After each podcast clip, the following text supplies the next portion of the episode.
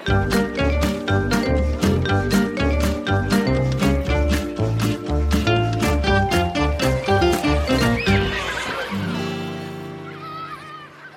lærere og barnehagelærere først og fremst et middel for åpne skoler og barnehager under pandemien? Og er kunnskapen om smittespredning og om mutantsmitte fra barn og ungdom god nok, og rimer den med smittevernreglene i skoler og barnehager og for fritiden? Ja, dette og mer til diskuterer lærere og barnehagelærere på jobben og i sosiale medier. Og dette er også noe av det vi skal innom i denne episoden av Lærerrommet. Velkommen hit, navnet mitt er Vigdis Alver. Og navnet mitt er Marianne Olsen Brøndtveit. Arbeidsmiljøloven har klare føringer for hvordan vi skal ha det på jobb. Også når det gjelder helse. Og blant lærerne og barnehagelærerne diskuterer mange om deres fysiske og psykiske helse er i potten under pandemien. Ulike smittevernregler gjelder til enhver tid, og smittetall og nye virusmutanter påvirker lokalsamfunn, og dermed også barnehager og skoler hver eneste dag. I dette kaoset står en lærer og barnehagelærer. Og som en lærer uttrykker det, vi flagrer rundt på rødt og gult nivå, spill for galleriet. Alt for å holde skolen i gang. Foreldre blir betrygget om at vi følger smittevernreglene. Men det gjør vi jo ikke, for det klarer vi ikke. Vi har med oss tre gjester inn hit, og velkommen kunnskapsminister Guri Melby. God dag. Og overlege Margrethe Greve Isdal ved Folkehelseinstituttet, velkommen. Hei, takk. Og så er du her, Heidi Granberg, du er lærer ved Slemdal skole i Oslo. Velkommen til deg. Og først til deg, kunnskapsminister eh, Melby. Det har lenge vært stadig omstillinger og endringer med korte frister, smittevern, frykt for helsa, omsorg for enkelteleven og for enkeltbarnet, det å forberede undervisningen og tilpasse for elever og barn med særlig behov, og dessuten holde læringstrykket oppe. Og nå sist har det også blitt fokus på mutantvirus. Hvor mye tenker du at en lærer og en barnehagelærer skal tåle å forholde seg til i en jobbhverdag? Jeg mener jo at uh, det her er jo en situasjon som er veldig krevende. Og jeg skulle virkelig ønska at uh, alle, både ansatte og elever, hadde sluppet å forholde seg til det. At man kunne ha fått lov til å konsentrere seg om det som er kjerneoppgaven. da, Om undervisning, om opplæring, om fagfornyelse, om at ungene skal lære og ikke minst ha det bra på skolen. I stedet for å fokusere på smitteverntiltak, og i stedet for å bruke energi på å være bekymra, som jeg har stor forståelse for at mange ansatte er. For det er klart at man er i en jobb jobbsituasjon der man møter mange mennesker, der det ikke er mulig å holde den avstand som vi vet at skal til for å være sikker på å ikke bli syk, og der man eh, på kort tid da, har både måtte ha blitt smitteverneksperter, eksperter på digital undervisning, sørge for tilrettelegging for veldig mange ulike situasjoner, og må snu om opplegg på kort tid pga. endring i smittesituasjonen. Så det er klart at det er veldig langt ifra optimale både arbeidsforhold og læringsforhold i norsk skole akkurat nå. Mm. Og lærere de, de, snakker jo om og melder i sosiale medier at de opplever seg som et middel for politikerne til åpne eh, skoler og barnehager. Og mange mener at hensynet til smittevernet de har på jobb, og dermed til helsa, ikke er viktig nok, som vi har vært inne på. Og hva vil du si til lærere og barnehagelærere som syns at deres krav til smittevern blekner i forhold til smittevernet som kanskje andre yrkesgrupper har? Altså, jeg syns jo det er veldig vondt å høre at man føler at man bare er et middel, for sånn er det jo ikke. Tvert imot så mener jeg jo at den pandemien som vi står i, har vist fram hva slags eh, samfunnskritisk personell de som jobber i skole og barnehager er. At de er helt avgjørende for at det skal gå bra med ungene og ungdommene i en kritisk tid, og at de er helt avgjørende for viktige samfunnsfunksjoner. Og um, altså det er jo en del yrkesgrupper som er mer utsatt enn andre for tida. Eh, det gjelder jo særlig dem som jobber i helsevesenet. Det gjelder også andre offentlige tjenester, sånn som politi og andre, men også mange i servicenæringa. Og eh, vi har jo tatt smittevern på alvor, det mener jeg virkelig. Og heldigvis så har vi også sett at selv om vi har hatt perioder nå med ganske høy smitte i samfunnet, så har det fortsatt ikke vært mange store utbrudd på skolene våre. Det tar jeg som et tegn på at veldig mange jobber veldig godt med smittevern mm. rundt omkring i Skole-Norge, men det er klart at vi greier ikke å garantere for at ingen lærere skal bli smitta så lenge vi holder skolen åpen. Mm. En undersøkelse som Respons Analyse har gjort, den beskriver også kanskje alvoret rundt koronasituasjonen i skolen, og over halvparten av lærerne har enten søkt seg bort eller vurderer en jobb utenfor skolen, ifølge disse funnene. Hva tenker du at det forteller om lærernes arbeidssituasjon under pandemien? Nei, Det understreker nok det som vi også får mange rapporter på ellers. At det er mange som både er sliten, eh, som er bekymra, som opplever at de tøyer strikken langt, eh, og som syns at det er veldig krevende. Og det er klart at det er en undersøkelse som vi er nødt til å ta på alvor. Greve Isdal, du er jo barnelege og ansatt ved Folkehelseinstituttet. Eh, det snakkes mye om smitte fra barn til barn og unge, og hvor stor den er, og ikke. Og helsemyndighetene har ved flere ganger vist til lite smitte blant barn og unge, som jeg hører her. Nye funn fra den eh, pågående koronabarnstudien fra Folkehelseinstituttet har jo så langt vist at barn i barneskolealder sjelden viderefører viruset på skolene. Men den studien ble jo gjennomført i en periode med lavt til medium smittenivå i samfunnet, og ved barneskoler med smitteverntiltak på gult nivå. Men fortsatt er det ikke publisert funn om smitte i ungdomsskolealder. Hvis vi skal beskrive litt om kunnskapsgrunnlaget eh, når det gjelder smitte fra barn og ungdom på skoler og barnehager, er det godt nok?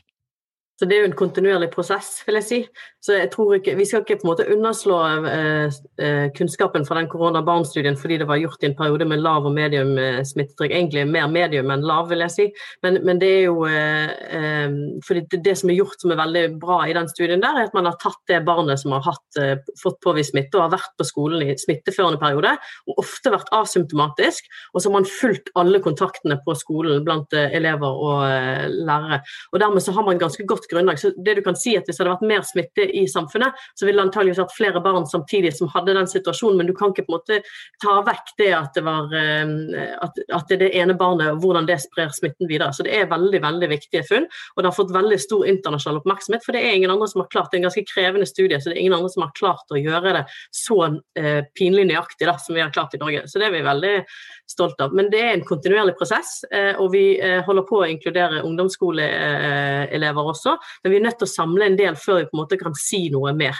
Eh, og også så er vi interessert i å gjøre det nå i forhold til nye virusvarianter, for å se om det faktisk er stor forskjell nå, og hvem som egentlig bidrar til at det sprer seg smitte i skolene med de nye virusvariantene. Det blir veldig viktig å følge med på fremover. Ja, For å få gripe litt fatt i det, muterte virusvarianter har jo dukka opp rundt om i landet. Og det er jo spekulert om dette spres raskere blant barn og unge. Mm. Også internasjonalt er jo dette blitt tatt mm. opp. Mm. Hvordan utfordrer dette smittevernreglene i skole og barnehager? Hva skal til for at uh, dette endres? Det, jeg må først si litt om hva som er eh, bakgrunnen for liksom, de, de, første studiene, eller de første, ikke studiene, men de første medierapportene som kom på nye, eh, disse nye virusvariantene, så var jo samfunnet i en stor grad stengt ned i de landene, mens skolene var åpne. Så det at man da så at det var smitte i barnehager og skoler i disse landene, det er egentlig ikke så overraskende, for de andre fikk jo nesten ikke lov til å treffes. Eh, og så har man gått nøyere inn i dataene etterpå, så har man analysert liksom per aldersgruppe og sett hvor mange sekundærtilfeller kaller vi det, hvor mange som på en måte oppstår i en ring rundt én positiv. Eh, og da har man sett at det faktisk skjer i mindre grad hos barn og unge enn det de gjør hos voksne. Men det, men det er generelt mer smittsomt, sånn at alle blir i større grad smittet av dette viruset. Og dermed så kan også barn i større grad smitte andre barn eller andre voksne.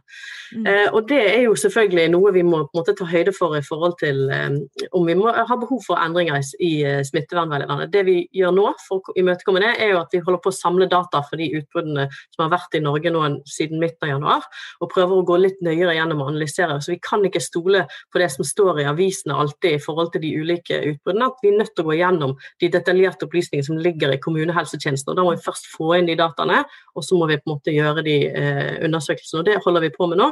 Håper at vi skal kunne komme med litt mer eh, svar i løpet av eh, ja, nærmeste tiden. Ja, for du nevner jo avisoverskriftene her. Lærerne forholder seg til de, mm. og leser nyhetsbildet. Hva tenker du om de tankene de gjør seg i den situasjonen de står i nå? Altså, jeg kan godt forstå at man blir engstelig av å lese de avisoverskriftene, for det kan jeg også bli når jeg leser det, men jeg syns det er en ganske urettferdig fremstilling ofte, som ikke er så nødvendigvis alltid like balansert. Eh, og med, jeg har sagt det veldig mange ganger til journalister at nå må dere være litt, liksom, ta litt hensyn til hvem som skal lese dette. Det er foreldre, det er ansatte i skolesektoren, det er nødt til å på en måte være edruelige. Og noen er flinkere enn andre, eh, så ikke, jeg kan ikke dra alle over én kam her. Men, men, det er helt klart at eh, sånne krigsoverskrifter med røde bokstaver og smitte barn, eh, nå, nå, ny kunnskap, alt endret og sånne ting. Det er ikke noe som gir veldig sånn betryggende følelse for lærerne, og det forstår jeg veldig godt. Men de skal i hvert fall vite veldig at eh, vi jobber med dette kontinuerlig.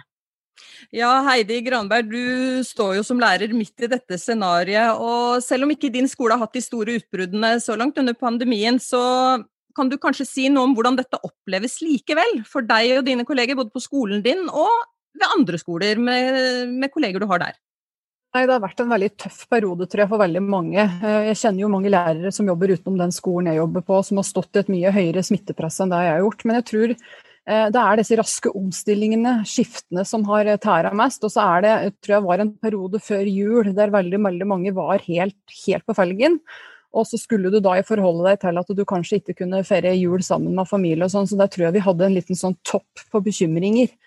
Men jeg tror det er eh, Vi lærere vi snakker jo veldig mye om at eh, vi må bruke mandagen på å komme i gang med en ny uke, eller vi må bruke to-tre uker i august på å komme inn i nye rutiner etter skolestart. Eh, for å få elever inn i våre rutiner og rett og slett inn i det moduset. Og det, dere kan tenke dere sjøl når det kommer ukentlig. At vi hele tida må bryte opp, skifte, dele inn i nye grupper møte opp igjen uh, uka etter, så, så, blir det en uh, uforutsigbar hverdag for både lærere og, um, og elever. Og jeg tror den, det skiften gjør ikke bare noe med at vi må lage doble opplegg eller endre oppleggene våre, det gjør noe med barna òg. Eh, og vi fikk jo nå, vi var, Da vi var på rødt nå for veldig kort tid siden, så så jeg jo hva rødt nivå faktisk kan føre til positive eh, ting. At jeg fikk annen, jeg fikk mindre grupper, og det betyr jo at jeg fikk mer kontakt med den enkelte elev. Så ja, noen var hjemme en dag og her på en dag, men hva fikk de når de var her med meg den dagen de var her med meg? Kanskje det var òg positivt for noen barn. Så jeg, Det jeg savner kanskje litt i debatten nå, er at skole er, eh, snakkes om en, som en fasit med to streker under svaret. Og det er så store forskjeller bare in, internt i Oslo, fra skole til skole, eller fra Toten, der jeg opprinnelig kommer fra her. Vi kan på en måte mm. ikke snakke om eh, smittevern og, og gjennomføring av opplegg på én måte nå, da. Eh, og jeg skulle ønske at kanskje det var en større forståelse for at eh, pressekonferanse på en lørdag, eh, og selv om skiftet ikke skjer før på en onsdag, så har jeg allerede planlagt hele uka. Det er ikke dag-til-dag-planlegging i skolen lenger, vi planlegger langsiktig. Eh, noe òg fagfornyelsen legger opp til. Sånn at eh, det har vært krevende, og jeg ser mange, der dere snakker om at mange er slitne. Og mange er kommet til et punkt nå der de vurderer er dette veien å gå for meg videre. Hvor lenge orker jeg å stå i dette her eh, smittepresset, eh, eller arbeidspresset over tid. Eh, på en måte, Hva får jeg igjen for det? Selv om jobben vår er ekstremt meningsfull, så, så, så er det noe med hvor mye du orker i lengden, da. Syns du at uh, lærere kanskje har flere spørsmål rundt disse temaene enn det, enn det Melby her og overlege Greve Isdal uh, svarer på, både her og andre steder? Er det mye uklart rundt smittevernreglene og hvordan de henger sammen, syns du som lærer? Ja, jeg syns det har vært veldig forvirrende. Og det handler litt om at jeg bor jo alene og føler uh, jeg har et lite liv utenom jobb akkurat nå, fordi det er veldig mange begrensninger. Og så kommer jeg på jobb, og så er det egentlig veldig lite begrensninger. og, og jeg tror det er vanskelig for veldig mange å forstå hvordan vi kan ha så mange nærkontakter her en dag. Men så må jeg også si at idet jeg går inn i klasserommet mitt og møter elevene mine, så må jeg ærlig innrømme at da glemmer jeg det litt. For jeg vil jo være der for elevene mine. Jeg vil undervise, gi dem opplæringa, gi dem den omsorgen de fortjener. Og så står du der da midt i norskundervisninga, og så griper det litt tak i deg. Ok, hvordan er det med avstanden her nå? Har vi vaska hendene? Har vi vaska pulten? Eh, og da, da, hva, gjelder, hva, gjelder, nå? Er vi på rødt? Er vi på gult? Eh, så tror jeg òg mange lurer litt på denne rapporteringa av smitte. Vi, vi, tror mange frykter at det er en slags underrapportering der. Fordi vi hører jo om veldig mange enn de, flere enn de tilfellene vi kanskje innimellom leser i ulike statistikker. Eh, og da tror jeg mange mm, har vært litt nysgjerrig på hvordan det foregår, og hvordan det faktisk rapporteres at ansatte i barnehage og skole smitter. da. Margrethe Greve Isdal, jeg vet ikke om du har kommentarer til dette med rapportering først? Jo da, det, det, det, vil jeg gjerne. Først vil jeg bare si også i forhold til dette med endringer i nivå, at det har vi veldig stor forståelse for at det er veldig krevende. Samtidig så tror jeg det er ganske viktig at man kan gjøre lokale tilpasninger, selv om det da betyr at ikke man får en detaljert veileder for absolutt alle situasjoner i alle ulike deler av landet. At man må på en måte ha litt mer sånn overordnede prinsipper som man skal iverksette, sånn at man kan gjøre de lokale tilpasningene. For Slemdal skole er ikke lik som Smestad skole, eller liksom altså, på en måte selv i, i ganske nær geografisk avstand, så er det ulike forutsetninger i både lokaler og antall elever osv. som gjør at man må gjøre de eh, lokale vurderingene for å få et best mulig resultat. Og Når det gjelder den rapporteringen, så har jeg blitt konfrontert med det før også fra Utdanningsforbundet, om liksom vi underrapporterer. og Det gjør vi ikke. Vi rapporterer inn det vi får inn meldt gjennom helsetjenesten. Eh, noen ganger er det en viss forsinkelse. Det så vi f.eks. i november når det var en del smitte i samfunnet. At det var eh, særlig de små det vi kaller for små utbrudd. altså Der var det veldig få tilfeller, gjerne noen få ansatte eller noen få elever. De blir vi ofte ikke involvert i fordi de håndteres ganske godt lokalt, og så kommer rapporten når kommunelegen har overskudd til å få rapportert det, og det kan skje noen uker i etterkant. Mens de store mm. utbruddene er vi på en måte involvert i ofte fra ganske tidlig, fordi at det da er en krevende situasjon som krever liksom litt mer. Og Det er jo en av grunnene til at vi har funnet ut også at det ikke er en fordel å være raskest mulig ute med å rapportere det fra de ulike månedene, fordi at vi får en forsinket innrapportering. Så nå i begynnelsen av februar, så, eller ja, akkurat i månedsskiftet, så rapporter, presenterte vi det som var for desember. fordi det som for januar, det, fortsatt, det tikker inn. Så for å få en best mulig oversikt. Så jeg vil bare veldig tydelig si at vi rapporterer det vi får inn, og vi gjør så godt vi kan med å både få inn det vi ikke får via kommunehelsetjenesten, så kontakter vi de aktivt hvis vi finner noe i mediene som ikke er blitt rapportert inn. Så vi prøver så godt som mulig å få en god oversikt over dette. Guri Melby, det ble snakket mye om eh, hvordan Heidi Granberg og hennes kolleger opplever klasserommene, men en viktig del av skolehverdagen for barna er jo også SFO og AKS. Der legges det vanligvis opp til en hverdag hvor barn får leke sammen, kanskje på tvers av trinn og klasser, og aktiviteten er jo for eksempel dans, fysisk aktivitet og, og matlaging. Og dette blir jo nå mye i stor grad tatt vekk fra barna pga. smittevern, men det er jo små barn det er snakk om her, og som kanskje trenger disse aktivitetene mer enn mange andre. Og da skal det også det alternative opplegget gjennomføres f.eks. av assistenter som ikke har den pedagogiske kompetansen til dette, og dette blir jo da veldig ressurskrevende. Det blir jo raskt kun aktiviteten i klasserommene som er tema, men hvordan har dere fulgt opp eh, skolehverdagene på AKS og SFO spesifikt? Ja, Det er egentlig fint at du løfter opp, fordi det tror jeg nok har vært et litt sånn undervurdert tema. Eh, og at på, på, mange måter, selv om det er krevende, så har det vært enklere å f.eks. drive da, på rødt nivå i de vanlige klassene og den vanlige undervisninga enn det er på SFO og AKS, der man jo vanligvis blander elever fra mange trinn. Noen skoler har jo én svær SFO for hele, mens andre har det trinnvis f.eks. Så det er klart at eh, her har det jo blitt store begrensninger. Dette er jo også et eksempel der vi nasjonalt har gått inn og sagt veldig lite egentlig om akkurat hvordan innholdet skal organiseres og tilbudet skal være. fordi at det er jo, som da Margrethe og flere har pekt på, så store lokale forskjeller. Veldig store ulikheter i hva man har muligheten til å tilby. Noen har jo f.eks. ganske god tilgang på arealer og rom, og kan dermed dele opp elevene. Har også gode utearealer som man kan spre eh, elevene på. Men det er klart at det du peker på her med personalressursene, det er jo gjerne det som er den største knappheten. Og jeg må jo bare si det at jeg skulle nok ha ønska meg i enda større grad at uh, skolene hadde satt inn enda flere vikarer, og at man hadde gjort det helt fra starten av i høst, slik at man hadde uh, en litt høyere personaltetthet helt fra starten av, sånn at man hadde flere voksne som hadde hatt gode relasjoner til ungene. For det er vanskelig å få tak i folk på kort varsel, og som skal bare hoppe inn litt uh, her og der akkurat når det er høyt fravær. Det er vanskelig. Mm. Eh, men det å tilknytte seg folk som kan ha en viktigere rolle over lengre tid, det skulle jeg ønske at man hadde gjort. Og vi har jo hatt en utfordring i at kommunene har vært litt redd for om pengene kommer fram eller ikke. Vi har jo satt av ganske store midler, altså flere milliarder, både i 2020 og i 2021. Og vi har vært tydelige på at dersom man trenger en høyere tetthet av bemanning for å håndtere smittevernreglene og likevel gi et godt tilbud, så skal man ha det. Eh, og Vi jobber jo nå med hvordan vi kan bli enda tydeligere overfor kommunene på hva det er da, som faktisk dekkes av den type ting. Eh, så Det tror jeg er viktig både for arbeidssituasjonen til dem som er i SFO AKS, for det tilbudet vi gir ungene, og også for dem som jobber på skolen ellers da, i den vanlige undervisninga. Mm. Eh, så det er vi nødt til å se videre på. Og så har jeg jo lyst til å si litt til det Heidi tar opp, det her med de skiftene og hva det her faktisk krever da, av skolene sånn organisatorisk. For det slo meg litt. Eh, nå har vi jo da innført fagfornyelsen fra i høst.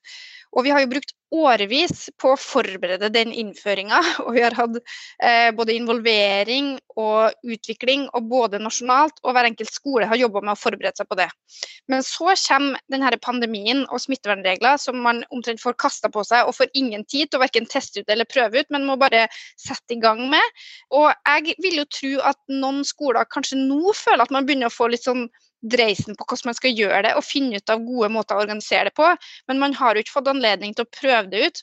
Så det er en ganske heftig greie. Mm. Eh, og det betyr jo at jeg har også veldig stor forståelse dersom man ikke har fått det til alt optimalt, verken av eh, organisering eller ja, for å legge til rette for læringsutbytte. Um, fordi at det her er egentlig en sånn svær utviklingsoppgave som man burde ha hatt månedsvis å forberede seg på.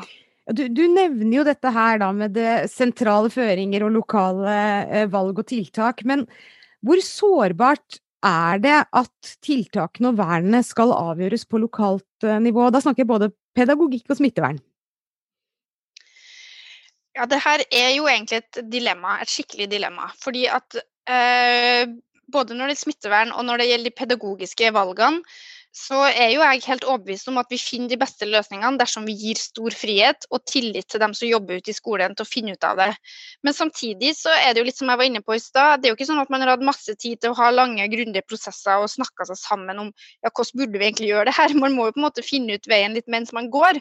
Og sånn sett så vil jeg tro at det er mange kanskje som skulle ønska seg å fått enda litt mer sånn fiks ferdige løsninger, i stedet for å også nødt til å finne ut av det lokalt. Men jeg syns jo et eksempel da, som jeg har lyst til å trekke fram, det er jo når vi nå har åpna for litt mer eh, hjemmeundervisning på gult nivå. Det har det vært mye debatt om, og jeg mener at det er bra at det er debatt om det, for det viser veldig godt dilemmaet vi står i.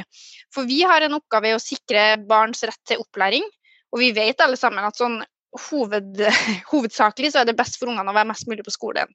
Samtidig så mener jeg at det finnes situasjoner der man er nødt til å få en lokal frihet til å finne ut av kanskje akkurat i det tilfellet her, så kan den undervisninga gis digitalt over en kortere periode. Eh, og Det handler litt om hva vi syns at denne pedagogiske vurderinga skal gjøres hen. da.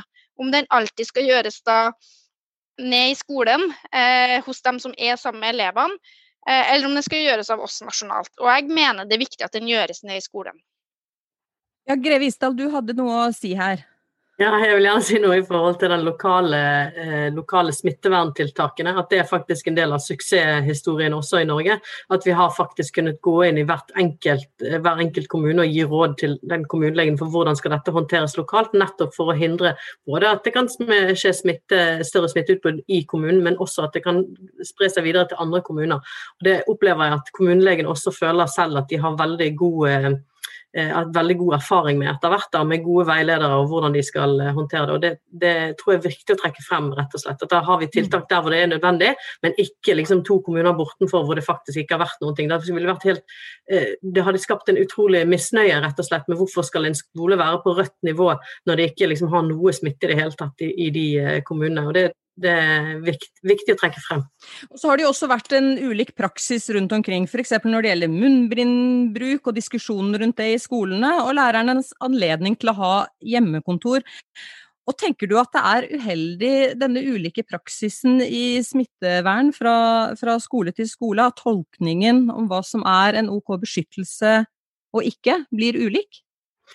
Jeg kan si først noe om det med hjemmekontor. for Det er jo ikke alle kommuner der hvor ansatte blir anbefalt hjemmekontor. Det gjelder jo først og fremst de områdene der hvor det er en del smitte, at det har kommet et råd om at her bør alle som kan, ha hjemmekontor. Og da mener jeg at når man først har det i en kommune, så bør det også omfatte lærerne for de oppgavene som ikke gjelder eh, selve undervisningen. At de må kunne ha hjemmekontor for, for de eh, andre oppgavene. I forhold til det med munnbind, så har jo det vært veldig mye frem og tilbake. Og det er et tiltak som hele tiden står på vår liste som et mulig tiltak å innføre i skolen. Men jeg tror det er viktig at en av eh, suksessene også i Norge at vi har vært veldig tydelige på å kommunisere at det er avstand som er viktigst. Sånn at hvis valget er om du skal ha munnbind på fordi du må være på kontoret, eller om du skal ha hjemmekontor, så er hjemmekontor en mye bedre løsning enn å bruke munnbind på mm. skolen. Sånn at eh, jeg tror det er viktig å sette det, og det er der vi har på en måte kommet inn. Hvis ikke du har mulighet til å holde avstand på skolen og det i områder med høyt smittenivå, så kan man vurdere munnbind blant de ansatte. Men at det er likevel viktig å ikke ta vekk de tiltakene som faktisk har størst effekt, og at det er det viktigste for smittevernet for, for de ansatte. Mm. Ja, avstand er viktigst, sier du. For å gå litt tettere inn på smitteverntiltakene med et lite eksempel som også mm. gjelder avstand. På ungdomstrinnet så kan du jo sitte nær 30 stykker i et klasserom. Mm. Og hjemover så sitter de da ofte side om side med andre elever med andre trinn, på bussen f.eks.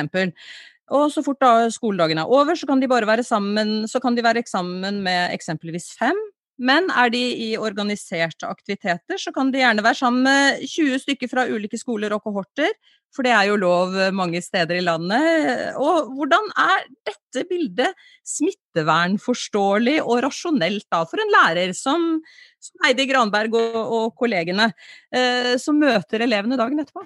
Ja, jeg skjønner at det virker sånn, eh, at det, at det, virker litt sånn uforståelig, men her er det to ting vi må ta med. Det ene er at det er summen av tiltak vi har innført i samfunnet som er viktig. Eh, sånn at det, det, at vi sier at man skal møte færrest mulig privat, det gjelder alle eh, voksne, uavhengig av hvilken jobb man har. Så Man sier ikke til helsepersonell heller at fordi de har møtt mange pasienter, så kan de ha enda færre kontakter på fritiden. Det er på en måte summen av tiltakene. Eh, og så er det det at vi har, eh, har hatt kunnskap om at barn og unge smitter andre i mindre grad. I tillegg til at det har vært en prioritering, rett og slett. At vi andre Egentlig kunne du sagt at kanskje vi skulle sagt at alle i samfunnet skulle bare hatt ti kontakter, punktum.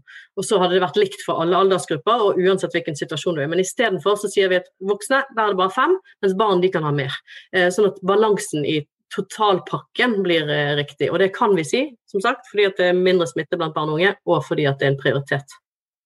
Og så på toppen av dette her så kommer litt mer krydder, for nå er det jo ring 1, det er ring 2, det er tiltaksnivå A, B, C, D som gjelder. I tillegg så gjelder rødt, gult og grønt trafikklysnivå på skoler og i barnehager. Hvordan skal en lærer og en barnehagelærer navigere i dette, og også skape trygghet blant både foreldre og også elever? Ja.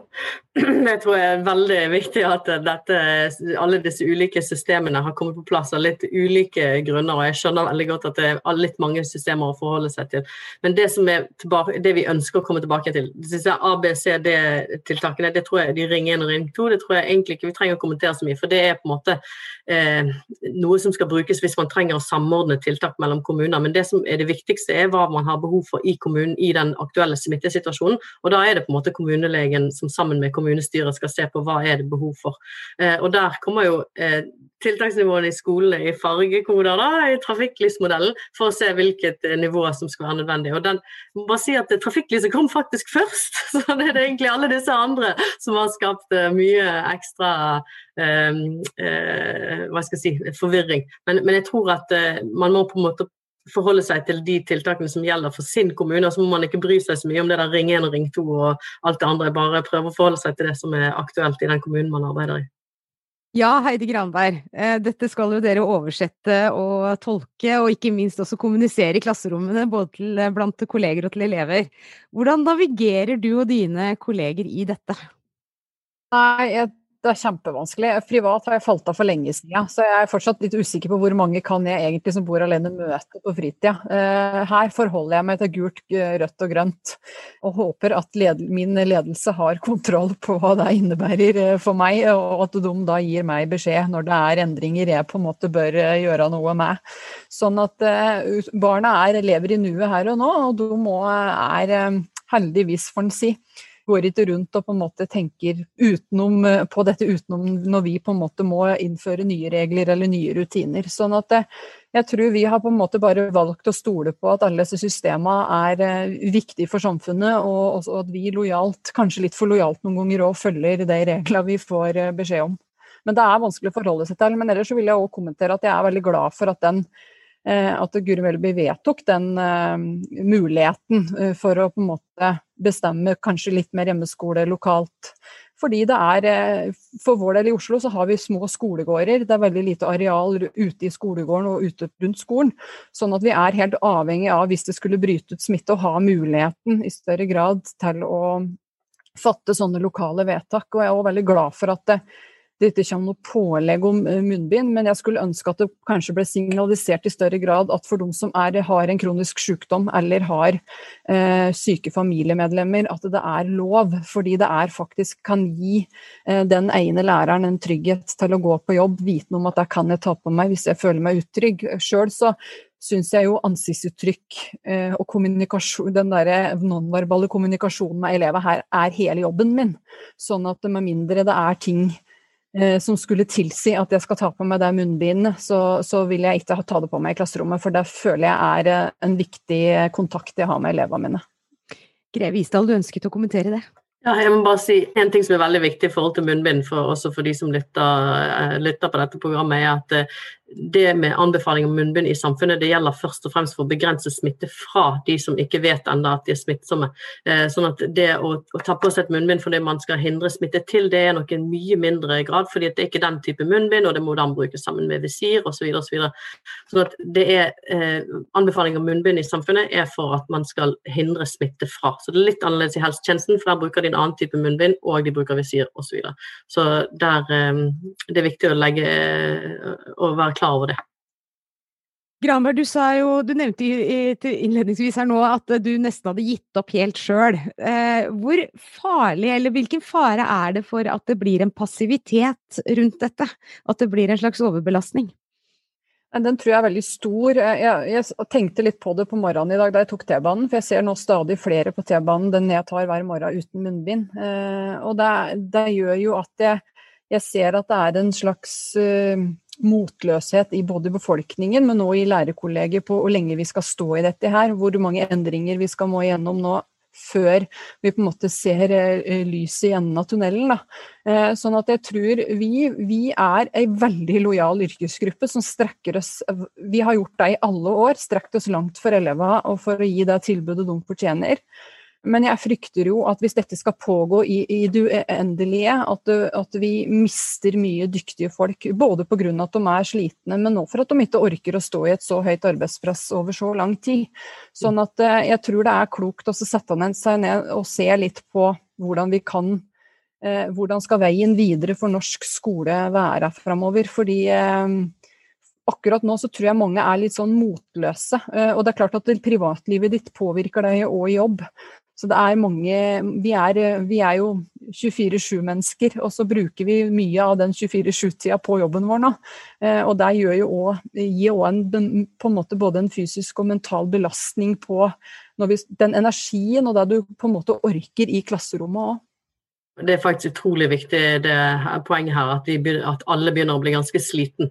Eh, jo, WHO har jo eh, gått ut med et eget eh, begrep om det som heter 'pandemic fatigue'. Altså at man blir så lei av tiltak og leve i dette her at man ikke egentlig klarer å forholde seg det til lenger. Og Det kan man reagere på ulike måter, enten at man slutter å bry seg om tiltakene, eller at man slutter å ha kontakt med folk fordi man blir for sliten med å navigere i de ulike rådene osv. Og, så og det, det er en utrolig utrolig eh, stor bekymring sånn generelt for at det, det, setter inn. Men det er nesten litt uunngåelig, for vi er ikke ferdig med pandemien. Og eh, vi må på en måte fortsette å stå eh, og gi råd og ha tiltak osv. Men det er utrolig stor bekymring både hos oss og generelt internasjonalt også på at dette er en økende utfordring, kan man si. Og jeg forstår veldig godt at det også gjelder lærere som har vært, vært virkelig viktige i å få holde samfunnshjulene i gang i denne pandemien. Det er veldig eh, viktig å erkjenne.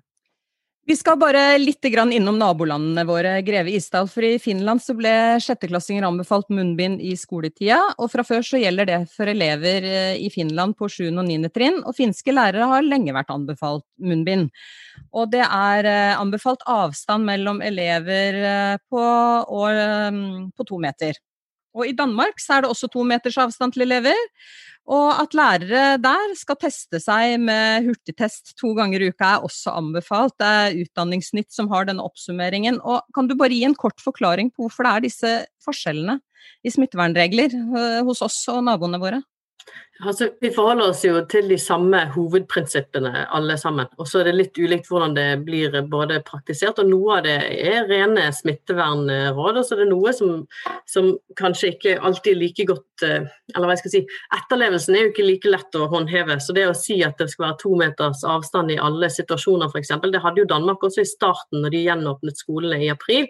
Og så måtte de jo revidere sine smittevernveiledere tre ganger på en uke, fordi de skjønte at dette her har jo på en måte Vi, vi klarer jo ikke det. Eh, og Derfor så har jo Norge vært veldig opptatt av at vi skal fokusere på kohortinndelingen. At det på en måte blir vårt eh, eh viktigste smitteverntiltak for de yngste elevene, i hvert fall. Nå har jo også ICDC, den europeiske smittevernmyndigheten, også sagt at det er på en måte, her må man gjøre vurderinger i forhold til barnas alder og i forhold til eh, hva man eh, faktisk kan oppnå. At de har, har behov for sosial eh, altså både omsorg og læring i tett kontakt med andre. At det kan vi på en måte ikke underslå et helt år eh, fordi at man skal ta smittevern. Så det er liksom en helhet i den, disse rådene som ligger til grunn. Mm. Og så har jo flere i det siste tatt til orde for at lærere og barnehagelærere må ha en tydeligere plass i vaksinekøen, også mm. med hensynet til elever og barn. Og hva skal til for at dette skjer, tror du? Ja, altså, det, det, Mye kan endre seg hvis vi får større tilgang på vaksiner, men enn så lenge så er tilgangen på vaksiner relativt begrenset. og Da er det viktigste er å prioritere de som har høy individuell risiko for alvorlig sykdom. Og Der kommer også lærere har, eh, og ansatte som har personlig eh, risiko eh, inn på lik linje med alle andre. Og, og, Sånn står på en måte situasjonen nå. Men så har vi jo hele tiden sagt at vi har en dynamisk strategi, og at ting kan endre seg etter hvert som vi vet at vi får altså mer tilgang på vaksiner. At det kan være noe som kan vurderes. Men så har er det også veldig vanskelig å begynne å vurdere ulike kritiske samfunnsfunksjoner opp mot hverandre. At det skaper, Hvis man prioriterer én gruppe, så er det en annen gruppe som føler at de blir eh, eh ja, oversett. Sånn at eh, Å forholde seg til alder og personlig risiko er egentlig en ganske ryddig måte, for da får alle lik prioritering. da. Heidi Granberg, til slutt her. Mm. Du skrev i en kronikk at uh, det kommer en vår, og den kronikken var jo preget av optimisme og pågangsmot. Mm. Hvilken tittel eller hvilket innhold ville du ha fokusert på nå? Eh, hva nå? Nei, jeg er veldig usikker. Jeg skulle gjerne gitt en sånn generell oppfordring til at uansett hvor lenge vi skal stå i denne pandemien, så er det vi lærere vi gjør det vi kan. Og jeg skulle ønske at det var en større tillit når det snakkes mye om disse sårbare barna. De sårbare barna vet vi om. Jeg vet om hver eneste en jeg må ringe hvis det er rødt nivå og de er hjemme, og jeg vet om hvem, måte, hvem som har sine rettigheter. Men det vi kanskje er mest bekymra for, er det jeg vil kalle gråsone gråsonebarna. Jeg skulle ønske vi heller kunne kalt, eh, innført et nytt begrep. Det er de barna vi ikke vet om, de som ikke er på radaren vår akkurat nå fordi de lever i, i, i eh, kanskje vold, eh, hjem med vold eller traumatiske ting som vi ennå ikke har klart å fange opp. Men jeg skulle ønske at vi kanskje har opplevd en større tillit framover til at vi er på radaren så godt vi kan, og at vi gjør, er vårt ansvar bevisst. og vi gjør det vi kan. Samtidig så skulle jeg òg ønske Nå skulle jeg gjerne ha sett kunnskapsministeren i øya her hvis jeg hadde hatt muligheten. men Uansett når denne pandemien avsluttes, så har vi lært nå hva slags samfunnskritisk rolle vi lærere har i samfunnet, og hvor avgjørende vi faktisk er for veldig mange barns liv. Uh, og da skulle jeg kanskje ønske at det, det, politiske landskapet slutter seg med denne valgkamppolitikken som jeg opplever. At det, det kastes ut, nå må vi gjøre det, alt skal inn i skolen. Men at vi setter oss ned sammen, et bredt politisk flertall fra alle partier, fagorganisasjoner, eh, lærere, barnehagelærere og skoleledere, og fant ut hva veien videre for norsk skole og barnehage skal være etter dette.